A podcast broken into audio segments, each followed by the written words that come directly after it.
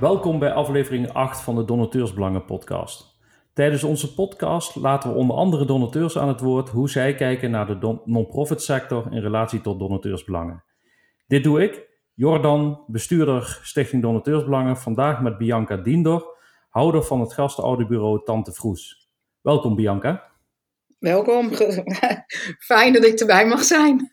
Ja, en uh, kun je aan de luisteraars vertellen, Bianca, wie je bent en wat je in het dagelijks leven doet? Uh, ik ben houder van gasthouderbureau Tante Vroes. Ik ben dus zelfstandig ondernemer met wat medewerkers en uh, zo'n zeventigtal gastouders die kinderopvang verzorgen in de regio Kampen. Um, dit doe ik al heel veel jaren. En ik mag mij ook graag inzetten als vrijwilliger voor gastvrouwenwerk, ja, toerisme in kampen vind ik ook leuk om te doen. Mensen een beetje wat uit te leggen, wat te laten zien. En daarnaast uh, sport ik heel veel. En uh, nou, soms vind ik politiek ook nog wel een beetje leuk. Maar vooral wat er in mijn eigen omgeving speelt. Wat ik kan veranderen. Waar ik een bijdrage aan kan leveren. Mensen helpen. Ja, dat is denk ik wel een beetje wie ik ben. En ik ben gewoon een druk baasje. Oké, okay, nou ook nog specifieke hobby's uh, wellicht? Um, ik zwem, uh, drie keer per week. Ik wandel veel. Um, ja, ik ben ieder. Ja, doe gewoon veel. Oké, okay, ja, dat is altijd goed toch? Bezig ja. blijven. Ja. Um, heb je ook enige ervaring in de non-profit sector als donateur of wellicht als bestuurder of vrijwilliger bij een goed doel? Um, in een ver verleden ben ik uh, lid geweest van, of ben ik, ben ik nog steeds lid van, van de dierenbescherming. Ik heb in het dierenasiel gewerkt en ik was um, medewerker uh, voor de uh, dierenbescherming in Kampen. En daar heb ik toen de Kids for Animals opgezet voor de kinderen uh, aan activiteiten. Um, en dat, dat heb ik dus zelf als bestuurder, zat ik dan ook in, in het bestuur. Um, ja, echt bestuur, ja, nou ja, wonen de bestuursvergaderingen bij. Ja, nee, ik was bestuur. Ja, ja, Eigenlijk, eigenlijk dus los van het donateur zijn van ja. een x-aantal goede doelen, geldt ook dat je dus uh, hebt meegemaakt aan de kant van een non-profit. Ja. Oké. Okay. Ja. kun je uitleggen aan de luisteraars waarom jij donateur bent geworden van een goed doel en of je aan één of meerdere goede doelen geeft? nou, ik, ik kijk naar de doelen die mij aanspreken. Um, om ze financieel te ondersteunen. Omdat ik weet dat het van belang is om te zorgen dat je, um, ja, dat je financiën binnenkrijgt om je werk uit te voeren um, voor het goede doel. Ja, dat is uh, natuurlijk één. Hè? Uh, zonder fondsverwervers geen geld voor goede doelen en zonder geld geen geld voor de missie en doelstelling. En het is ook vaak een gezamenlijke missie, hè? Uh, gezamenlijk uh, doel wat je hebt als donateur aan goed doel. Want je kiest niet voor niks als donateur voor een specifiek goed doel. Ja. kun je aangeven wat jij belangrijk vindt in een relatie met het goede doel? Um, wat ik belangrijk vind in een relatie met een goed doel. Um, ja, dat het goede doel bij mij past, of bij mijn omgeving, of bij mijn werkzaamheden. Um, omdat ik het, het, het, uh, het moet wel aansluiten bij wie ik ben en wat ik uit wil dragen. Dat vind ik heel erg belangrijk. Nou ja, om je een voorbeeld te geven. Ik heb uh, zondag de collectebus opgehaald voor de brand, uh, brandwonden, Nederlandse Brandwondenstichting om deze week te collecteren. Ja, dat is altijd goed als er de vrijwilligers zijn die in ieder geval langs de deur komen. Want zonder vrijwilligers, ja, geen inkomsten voor die goede doelen natuurlijk. Dat klopt. Um, uh, en met betrekking tot de relatie met een goed doel, geldt dat je altijd zelf gekozen hebt en proactief bent gegeven aan een goed doel? Of geldt in sommige gevallen dat je benaderd bent en dat je op basis van de benaderingswijze gekozen hebt voor een goed doel? Ja, beide. Oh, beide. Ja, dat, dat, dat, beide. dat, dat is prima ja. natuurlijk. Ja. Um, ik, we, horen we, horen natuurlijk graag hoe je naar uh, fondsenwerving kijkt. Uh, maar ik wil eerst even uitleggen dat uh, Stichting Donateursbelangen komt op voor een open, eerlijk en transparante non-profit sector. Waarbij donateurs respectvol benaderd worden bij het geld inzamelen. vind jij dat je altijd open, eerlijk, transparant en respectvol benaderd bent? Of heb je voorbeelden waarbij het net iets beter kan of kon in jouw geval? Nou, um, mensen die aan de deur komen kunnen soms um, ik vind het heel vervelend, of mijn man vindt het heel vervelend. We vinden het gewoon vervelend om soms mensen af te wijzen. Uh, omdat ik ook weet dat ik zelf ook langs de deuren loop. Um, en dat je dan ook niet voor een dichte deur wil staan. En je wil gewoon net, netjes en respectvol uh, behandeld worden. Ik respecteer ieder zijn uh, keuze ook. Wel geven of niet geven, dat respecteer ik ook. Maar je hebt wel, als mensen aan de deur komen of als ze je bellen, dat, dat het heel dwingend is en dat je er bijna niet van afkomt. En daar heb ik wel heel veel moeite mee. Um, en dan, dan kan het ook gewoon zijn dat ik gewoon echt uh, daar gewoon klaar mee ben. Met het hele goede doel. Oké, okay, dat was mijn volgende vraag natuurlijk. Want wat betekent dat? Uh, je geeft aan dat ik soms gebeld word. Uh, ja. Hoe, kun je daar voorbeelden van aangeven hoe je dus in de relatie als donateur met het goede doel, terwijl je gegeven hebt, dus alsnog benaderd wordt telefonisch en of je daar zelf eigenlijk uh, daarbij aangegeven hebt dat je daarvoor open staat? Nou, ik kan me niet herinneren dat ik ervoor open heb gestaan dat ze me nog eens een keer kunnen bellen om nog wat extra geld te vragen. Maar dat gebeurt wel en daar ben ik echt niet blij mee. Daar, daar, dat leg ik dan ook uit van, je, ik geef jullie al, jullie vragen nu of ik iets extra's wil geven of iets extra's wil doen uh, voor jullie uh, uh, stichting of voor het goede doel. Maar dat is, dit is wat ik doe en daar zul je het mee moeten doen. En door het te vragen kan het alleen maar zijn dat ik sneller geneigd ben om gewoon te stoppen. Ja, ehm, wij zelf hebben onderzoek gedaan onder 250 goede doelen. Uh, wat zij vragen om het uh, eenmalig te doneren. Ik weet niet of het in dit geval om een eenmalige donatie ging of dat je vast donateurschap aangaat, maar het komt via de donatieformulier op websites van Goede Doelen bijna hetzelfde uit. geldt dat je dus inderdaad zelf via een formulier op de website hebt aangegeven dat je wil gaan doneren, of maak je zelf handmatig het bedrag over via je bankrekening? Ehm, nou, bij sommigen maak ik uh, zelf over en anderen um, is uh, dat ze het gevraagd hebben via bankrekening in Casso. Mm -hmm. En uh, op het moment dat ze dat eigenlijk vragen, weet je dat je er ook moeilijker van afkomt. Dat je langer blijft hangen dan je misschien zou willen. Ja, en kan het zijn dat je dus bij die stappen gevraagd werd om een telefoonnummer, en waarbij het misschien niet mogelijk was om überhaupt te kunnen. Nee, want die zal ik niet snel invullen. Oké, okay, en um, heb je dan een idee hoe ze aan je telefoonnummer gekomen zijn? Nou, ze bellen, nou, dat is wel een hele grappige, want ze bellen namelijk op mijn vaste nummer. En mijn vaste nummer, ja, die ligt er nu toevallig helemaal uit. Maar mijn vaste nummer, die kunnen ze blijkbaar makkelijk vinden. Want mijn mobiele nummer kunnen ze dus blijkbaar niet vinden, want die hebben ze niet. Dus ze bellen naar het vaste nummer. En dat vind ik dan heel bijzonder, want die ja, als ik dan überhaupt, ja, dat is wel zo, als ik een nummer doorgeef, is het mijn vaste nummer.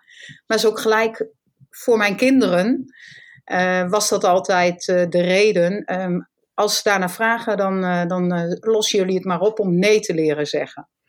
Dus als gebeld werd door organisaties en ze vroegen dan naar mij of naar mijn man.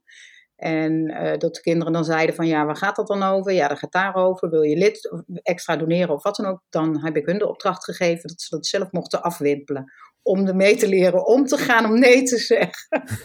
Ja, nee zeggen is vaak voor veel mensen uh, moeilijk. En ja. uh, wat ook blijkt, toevallig is vandaag dat uh, rapport weer openbaar geworden. Ieder kwartaal wordt er onderzoek gedaan naar donateursvertrouwen. Um, en vandaag is weer het onderzoek bekendgemaakt. Okay. En je, je bent echt niet de enige.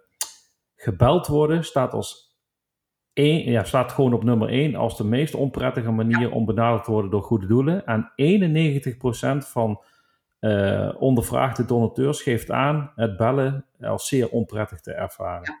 Ja. Uh, dus daar sta je zeker niet alleen in. Um, uh, wij hebben zelf dus onderzoek gedaan naar donatiemodules van goede doelen. En van de 250 onderzochte donatiemodules zijn er zo'n 70 organisaties die je tijdens het doneren verplicht vragen om je postcode huisnummer en telefoonnummer uh, achter te laten. En uh, je kunt dat dus niet uh, weglaten. Dus het is geen optioneel veld. Ja. En ja, op basis van die gegevens die je gewoon verplicht bent om achter te laten, ja, kan altijd natuurlijk ja. een direct mail of een telefoontje plaatsvinden. hoe kijk jij ernaar als je dus, als we een voorbeeld erbij pakken dat iemand eenmalig zijn geld wil geven aan een goed doel, maar bij het geven van dat geld wordt hij of zij verplicht geslacht, geboortedatum, telefoonnummer, fysiek adres, postcode, huisnummer verplicht achter te laten, anders mag die niet geven? Ja, eigenlijk uh, zou ik het uh, netter vinden van, van die organisaties dat dat niet verplicht hoeft te zijn. Ik, eigenlijk doordat je me nu dit zo, zo zegt, denk ik van ja, daar heb je wel gelijk in. Ik heb daar, ik, we vullen het vaak gewoon klakkeloos in omdat je met goede bedoeling het geld wil geven. Um, maar eigenlijk vind ik dat als je het geld wil geven en je doet dat eenmalig, dat je zeker niet al je gegevens hoeft, hoeft te geven. Ja, en waarschijnlijk geldt als organisaties het optioneel maken, zoals veel andere goede doelen ook gewoon doen. Ja. omdat het aangeboden wil, wordt, vul je het alsnog in. En dan heb je nog als zelf de keuze gemaakt om het in ieder geval achter te laten. En ja. Wij staan op het standpunt dat het verplicht moeten delen van in ieder geval postcode, huisnummer of telefoonnummer, dat dat eigenlijk gestopt moet worden en dat ja. dat aan de keuze van de donateur moet zijn. Want een gift, een donatie is een gift en een gift is iets zonder tegenprestatie.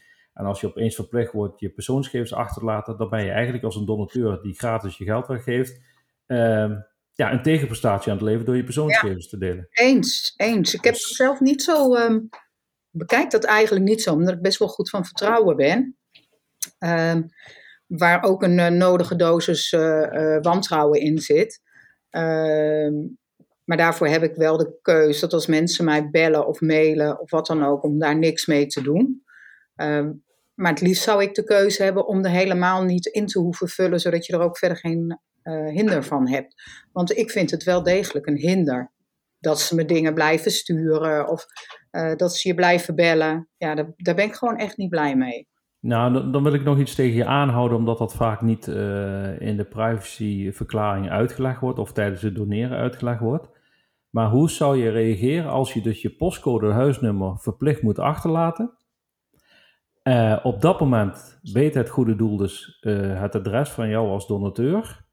En dat er dan op de achtergrond via een dataleverancier kenmerken worden ingekocht waarmee een profiel over jou als donateur wordt opgebouwd. Ja. En ik zal je een voorbeeld geven. Er zijn dataleveranciers in Nederland die van de 8 miljoen particuliere huishoudens die we hebben in Nederland, uh, op basis van een unieke postcode huisnummer, dus op basis van je unieke adres, ja. uh, meer dan 1000 uh, plus en in sommige gevallen 2500 kenmerken hebben die je als organisatie kunt afnemen en waarmee je dus een profiel slash personana kunt opbouwen op basis van gedeelde gegevens. Ja, daar word ik een beetje stil van. Ja, ja dat, dat is ook vaak. Uh, wij, wij als Stichting Donateursbelang zeggen eigenlijk van. je moet het optioneel kunnen achterlaten. En als het verplicht wordt, moet er minimaal de uitleg bij staan. Wat gebeurt er dan met deze gegevens? En dat ja. wordt vaak nu nog achterwege gelaten. Ja. En uit ervaring weten wij dus dat uh, data gekoppeld wordt. Daar is op zich niks op tegen als je dat gemeld hebt aan de donateur en de donateur kan aangeven van ik wil dit niet bijvoorbeeld. Ja. Uh, maar dat wordt vaak gewoon achterwege gelaten. Dus er wordt gewoon, zonder dat je als donateur dit eigenlijk kunt weten, op basis van een eenmalige donatie van bijvoorbeeld 10 euro, een heel profiel over jou opgebouwd. En dat gaat heel ver.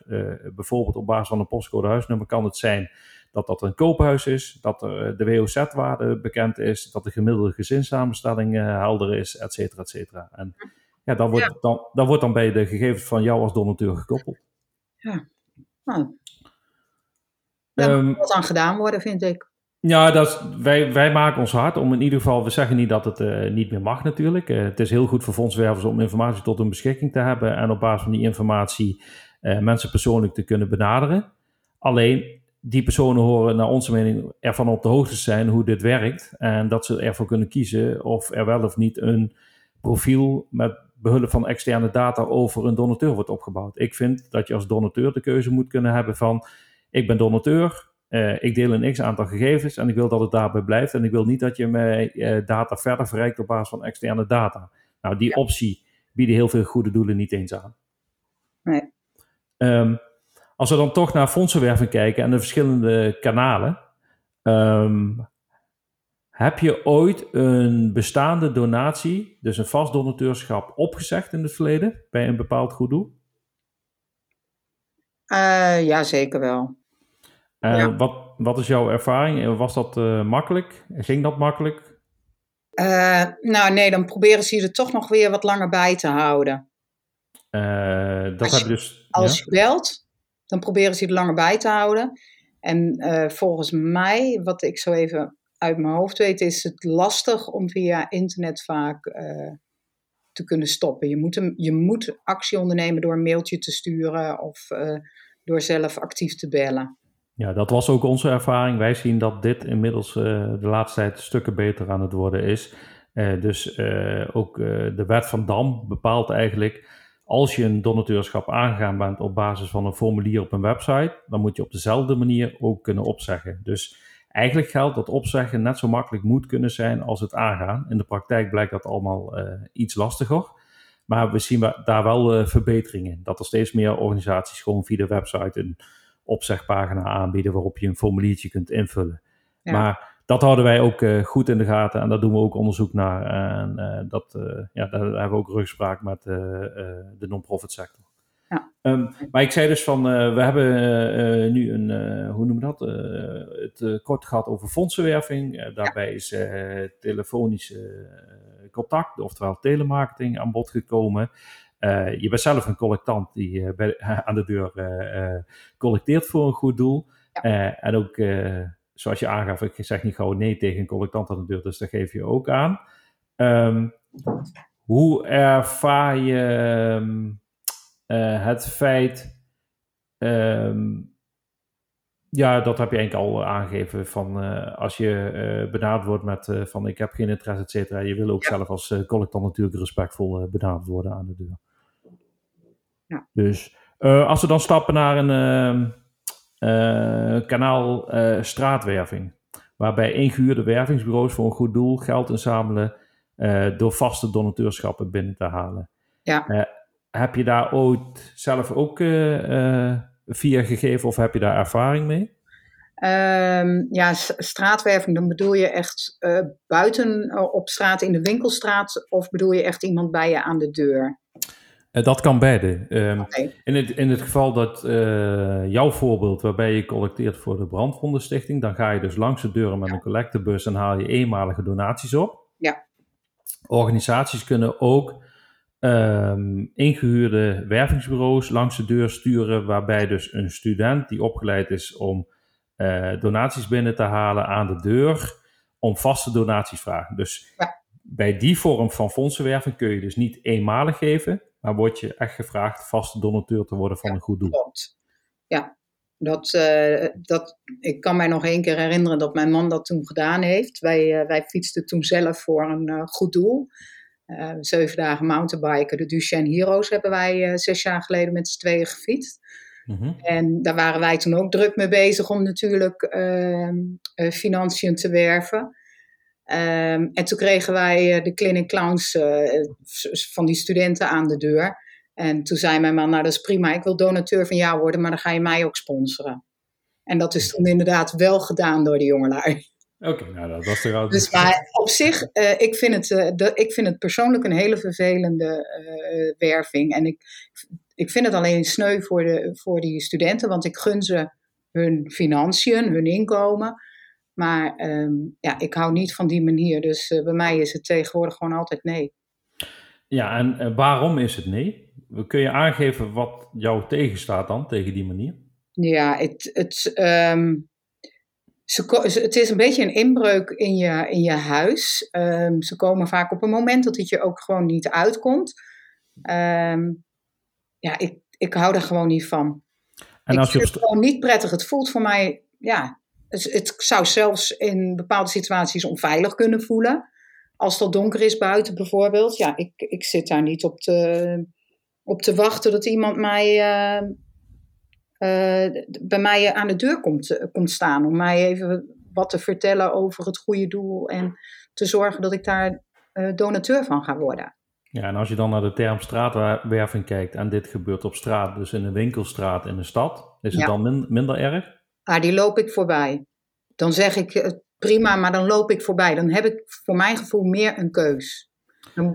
op het moment dat ze echt voor je de, in je huis staan, dan voelt dat toch als een, ehm, ja, dat, je, dat je minder keuze hebt. Oké. Ehm, maar uh, de vraag is, waarom ben je zo resoluut, zeg maar, als je ze in een winkelstraat ziet? Ja. En uh, zeg maar aan de deur niet? Um, in, de in de winkelstraat lukt me dat gewoon beter. Dan, dan ben ik eh, met iets bezig. Dan, dan loop ik met een doel in de winkelstraat. Uh, waardoor ik um, ook gewoon makkelijk kan zeggen dat ik er geen interesse in heb. Oké, en uh, is voor jou altijd duidelijk dat degene die op straat werven, um, wie dat zijn? Of dat medewerkers van het goede doel zijn of vrijwilligers? Of dat nou, voor mijn gevoel uh, degene die ik altijd, heb ik altijd het idee dat het van, uh, van bedrijven zijn, dus niet van de, van de organisatie zelf. Ja, ja, dit is iets wat wij ook in dat uh, rapport van het donateursvertrouwen, dus vanuit het donateurspanel uitvraagt, ook terugzien dat naast telemarketing staat op straatwerven ook als een onprettige manier wordt dat ervaren door potentiële en door donateurs. Ja. Ehm, en wat we vooral meekrijgen is dat mensen vaak denken dat er een vrijwilliger van het goede doel in een winkelstraat, in de stromende regen bijvoorbeeld, uh, geld aan het inzamelen is voor hun goede doel. Ja. Uh, zonder dat ze weten dat het ingehuurde uh, straatwerving is. Ja. Dus wij zijn nu op de achtergrond bezig om binnen de non-profit sector uh, een onderdeel van de Donor Bill of Rights, wat in Amerika, Canada en Australië, of Australië, Mexico geldt. Mm -hmm. Daarin staat eigenlijk vastgelegd: een donateur heeft het recht, als het om face-to-face fondsenwerving gaat, om te weten wie er voor hem staat. Ja. Zodat, zodat de donateur weet: is het de vrijwilliger van het goede doel, is de medewerker van het goede doel, of is het een ingehuurde medewerker van een wervingsbureau? Ja, nou, daar, daar zit hem denk ik bij mij ook een beetje mijn, uh, als het gewoon echt iemand is van, uh, van, het, van een stichting zelf, die, van de ja, de, dan um, een vrijwilliger, dan heb ik daar meer feeling mee. Dan ben ik sneller geneigd iets te geven of iets ervoor te doen. Dan dat als ik het idee heb dat het een, een fondsenwerving is voor, via een bedrijf dat ingehuurd is. En dat is wat ik wel het meeste zie. Um, op braderieën en dergelijke wordt er soms ook wel met, uh, de, gevraagd door vrijwilligers om financiële bijdrage. Maar dan heb ik ook echt het idee dat het vrijwilligers zijn. Want meestal maken ze dan iets of hebben ze een activiteit erbij of heb je een winkans ergens op. Zodat je ook echt weet dat het van de vrijwilliger is van, van zo'n stichting of zo'n organisatie. Ja, dan ben je dus eerder bereid, omdat je gewoon weet... Absoluut, ja, ja, ja, ja. en ik denk ook, uh, stel, dit wordt een, uh, ja, hoe noemen we dat, een gedragscode of een gewenst gedragssituatie, ook binnen Nederland, waarbij de donateur het recht heeft om dit te weten. Ja, dat wil nog niet altijd zeggen dat je ook het eerlijke antwoord krijgt natuurlijk. Dus nee, maar... dat, dat is het gevaar bij op provisiebasis uh, geld inzamelen door vaste donateurs binnen te halen. Ja. Um, Bianca, vind jij het uh, dat je als donateur via de website van een goed doel inzage moet kunnen hebben over datgene wat er over jou als donateur is vastgelegd en hoe er gecommuniceerd kan worden met je? Dus anders gezegd, um, vind je dat er een inlogsysteem moet zijn voor donateurs waarop je een soort van een mijn donateuromgeving uitkomt, waarbij je dus kunt zien als donateur wat is er over mij uh, vastgelegd met betrekking tot persoonsgegevens? Kan ik die gegevens daadwerkelijk zelf wijzigen, dus via self-service? En kan ik uh, mijn communicatievoorkeuren aangeven, zoals ik wil wel of niet gebeld worden, ik wil wel of niet een nieuwsbrief, ik wil wel of niet een brief ontvangen, dus direct mail, uh, et cetera, et cetera. Ja, ik, ik zou dat uh, heel graag willen. Ik zou dat uh, toejuichen. Dan heb je zelf ook sneller en beter inzicht in wat, wat je geeft, wanneer je geeft. Ja, dat je het gewoon zelf kunt bepalen. Dat zou ik wel echt heel waardevol vinden. En als ik dan aangeef dat uit onderzoek van ons blijkt dat er nu misschien één, twee goede doelen in Nederland zijn die dit aanbieden. En waarbij geldt dat alle overige goede doelen in Nederland dit, op dit moment dit niet aanbieden. En waarbij je dus als donateur, als je iets wil laten aanpassen of geregeld wil krijgen, altijd een formulier, e-mail of een telefoontje moet plegen met een goed doel. Hoe kijk je daar, daarna? Nou, dat vind ik eigenlijk wel shocking en eigenlijk heel erg jammer. Want ik denk dat uh, het voor um, voor goede doelen um, waardevol zou zijn als ze dit zouden doen. Want het, ik denk dat je er ook meer, ehm, ja, misschien meer uit zou kunnen halen op deze manier. Want je hebt als donateur zelf de beschikking over wat er gebeurt. En ehm, ja, het zou misschien zelfs bij mij kunnen zijn dat ik daardoor een, een hogere nou, een hoger bedrag zou kunnen doneren aan een, bepaalde, uh, goed doel, aan een bepaald goed doel. Ehm, wat misschien wel ten koste gaat van een ander goed doel. Oké, ehm, kun je dat uitleggen? Omdat een ander goed doel dit niet zou bieden, zou dit dus uh, voor jou een verandering in je geefgedrag kunnen betekenen? Ja, ja, dat denk ik wel. Want ik vind juist hem, die open en eerlijkheid, want dat is het uiteindelijk, dat, dat het transparant is. Ehm, dat vind ik heel erg belangrijk. Dat ik daar zelf um, ja, beschikking over kan hebben en zelf kan bepalen hoe ik wil dat ik benaderd word. Juist, maar tot, tot, totdat ik die uitleg hiervoor, hiervoor gaf, was het niet bij jou bekend dat je eigenlijk niet kon inloggen op een website van een goed doel. Nee.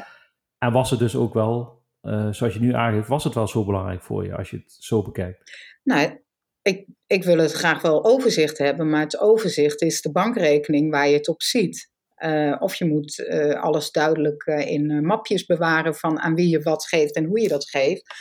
Ehm, maar bij mij is alleen mijn bankafschrift waarop ik de dingen kan zien van waar ik aan geef. En natuurlijk de dingen die ik zelf overmaak, die heb ik gewoon vastgelegd.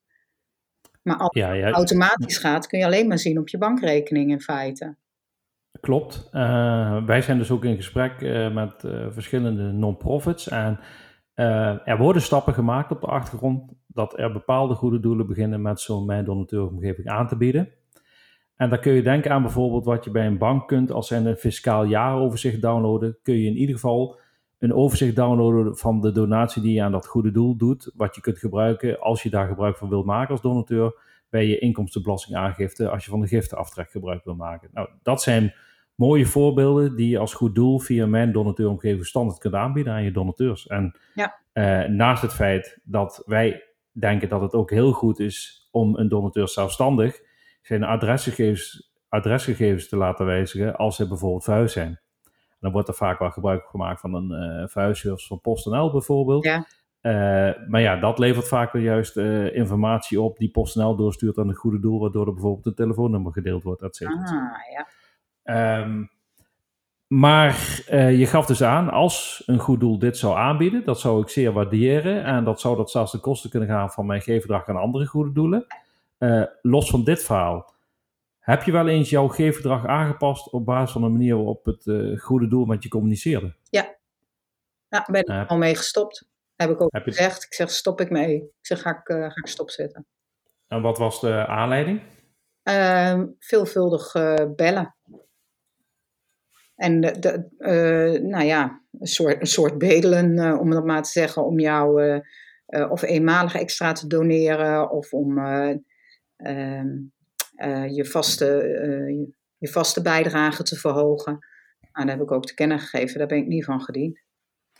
En weet je ook nog of op basis van het stopzetten, dat je daarna ook geen brieven meer ontving, of et cetera? Of was in dat geval nog zo dat dat goede doel je nog aan een aantal brieven stuurt. Want dat, dat mogen ze op zich, want er is een klantrelatie geweest. En op basis van een klantrelatie uh, kun je nog benaderd worden. Nou, volgens mij heb ik uh, bij eentje heb ik, is dat gewoon keurig netjes gestopt en hebben we er ook verder niks meer van gehoord. Dus dat, dat, vond ik wel netjes. Ja, zo, zo, zo. volgens mij nog wel bericht. Ja, en in het verleden wel eens gegeven hebt uh, zou je toch weer aan ons willen doneren, want... Ja, en ik denk dat daar ook niks uh, op tegen is, uh, totdat je als donateur aangeeft dat je eigenlijk niet meer gediend bent van die brieven. En dan zou het moeten stoppen natuurlijk. Dus ja. op zich is er niks op tegen om die geefvraag gewoon opnieuw te stellen. U was eerder donateur, misschien waren er redenen waarom u gestopt bent, wilt u opnieuw aan ons geven. Dus daar moet niks op tegen zijn. Maar als je dus inderdaad aangeeft als een ex-donateur, zeg maar, die niet meer geeft aan dat goede doel van ik wil ook niet meer dat je die brieven stuurt, ja, dan moet daar natuurlijk wel rekening mee gehouden worden. Ja. Uh, maar ik verwacht wel dat de meeste goede doelen dat doen. Uh, maar daar doen we ook onderzoek naar. Um, we hadden het net over dat uh, eh, CMS, of CMS-systeem. Het is geen CMS-systeem. Het is vaak zo dat goede doelen duizenden en duizenden euro's investeren in een online uh, CRM-systeem, waardoor ze inzage in hun donateurs hebben. En dat noemen ze dan een 360 graden view op donateursinformatie uh, en die ten behoeve gebruikt worden van fondsenwerving, et cetera. Maar het is juist frappant dat er vaak als reden wordt aangegeven van we hebben geen mijn donateuromgeving omdat dat veel geld kost. Terwijl het eigenlijk niks anders is dan je systeem waar, waar je voor toch al betaalt uh, open te zetten op je website en toegang te verlenen. Um, dus wij denken dat daar al vaak uh, de keuze wordt gemaakt uh, dat wij bepalen voor donateurs hoe ze met ons mogen communiceren. Terwijl wij vinden dat het eigenlijk andersom moet zijn. Dat ja. een donateur eigenlijk die keuze heeft om te bepalen hoe er gecommuniceerd wordt. En ja, zijn eigen gegevens mag inzien. Ja. Maar dan heb je ook altijd vragen over impact. Vind jij dat goede doelen, de impact die ze maken, moeten delen met donateurs? Dus vind jij als donateur dat je altijd op de hoogte moet zijn uh, hoe jouw uh, donatie bijgedragen heeft aan de missie van het goede doel?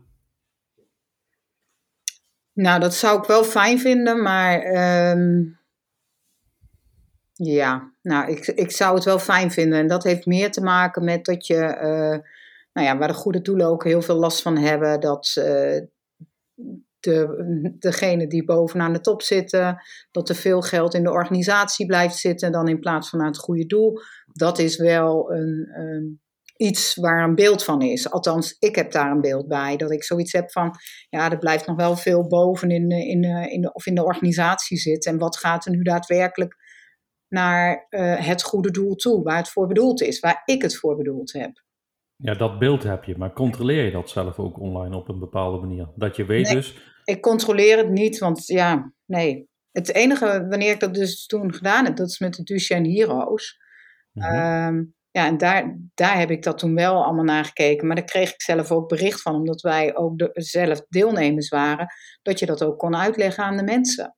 Ja. En daar moesten ehm. wij zelf onze bijdrage voor betalen. Uh, om de organisatie die het organiseerde, dat moesten wij betalen. Ja, in Nederland kennen we een, eh, een toezichthouder uh, goed doen, uh, is het CBF. Mm er zijn zo'n 650 plus CBF-gekende goede doelen in Nederland. En is jou bekend dat je van die goede doelen altijd een verhouding in percentage kunt zien van hoeveel er van iedere euro naar de doelstelling gaat, naar fondsenwerving gaat en naar de kosten eigen organisatie. Is jou dat bekend? Nee ik, heb, nee, ik heb daar verder niet op gezocht of naar, uh, naar gekeken. Maar ik heb wel eens gehoord dat, er, dat je het kunt zien van wat naar een, welk deel naar het goede doel gaat. Ja, zou je daar dan ook naar kijken als je gaat geven? Zou jij het belangrijk vinden om te weten hoeveel van jouw bedrag uh, inderdaad naar de doelstelling gaat? En dat jij bijvoorbeeld je geefgedrag aanpast op basis van een bepaald percentage? Of zeg je van, Nee, ik kijk toch eigenlijk eerder emotioneel naar wat doet een organisatie. Ik denk, ik denk uh, wel heel eerlijk gezegd dat ik, dat ik daarnaar kijk emotioneel. Dat ik daar, daarnaar kijk en dat ik um, ja, daarin wel de organisatie vertrouw. Ja, aan, wie ik, aan wie ik geef. Juist. En um, die impact, je geeft aan, ik zou het graag wel willen weten. Ja. Hoe mijn donatie impact maakt. Mm -hmm. En in welke vorm vind je dat dat het beste kan?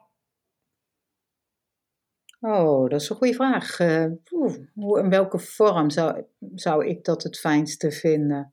Nou, laat ik een voorbeeld geven. Vind je het, zou je het fijn vinden?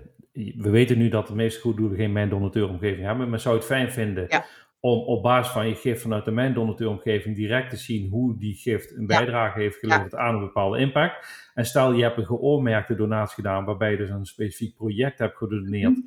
En je zou direct vanuit die mijn donateuromgeving meer over dat project kunnen lezen en hoe de impact van jouw geld op dat project is geweest, et cetera.